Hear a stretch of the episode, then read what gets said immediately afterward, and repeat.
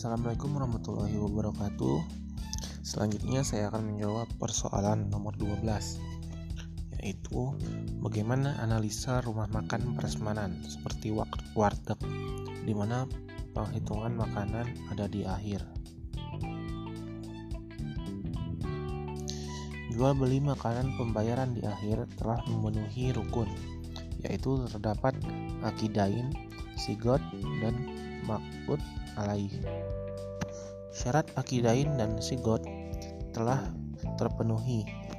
Hanya saja dalam syarat makut alaih terdapat salah satu poin yang tidak terpenuhi yaitu objek jual beli harus tahu jumlah, ukuran dan takaran sehingga terhindar dari goror. Walau sekalipun dengan begitu gorornya termasuk goror yasir yaitu goror yang ringan jadi masih diperbolehkan.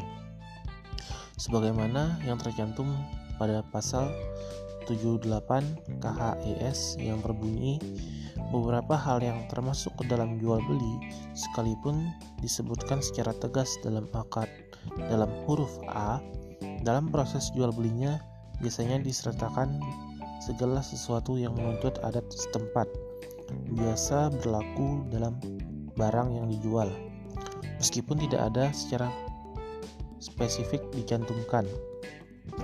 Pada pasal 81 KHES ayat 5, tata cara penyerahan sebagaimana dimaksud pada ayat 4 wajib memperhatikan kebiasaan dan kepatuhan dalam masyarakat. Masalah tersebut tidak mengakibatkan jual beli tersebut menjadi batal karena transaksi tersebut sudah menjadi kebiasaan masyarakat yang sulit dihindari karena sudah menjadi kebiasaan atau adat masyarakat yang berkaitan dengan uh, tempat penjualan warteg itu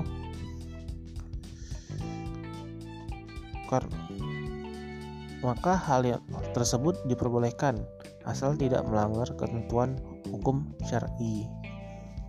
Mungkin itu saya yang bisa saya jawab mengenai persoalan kali ini.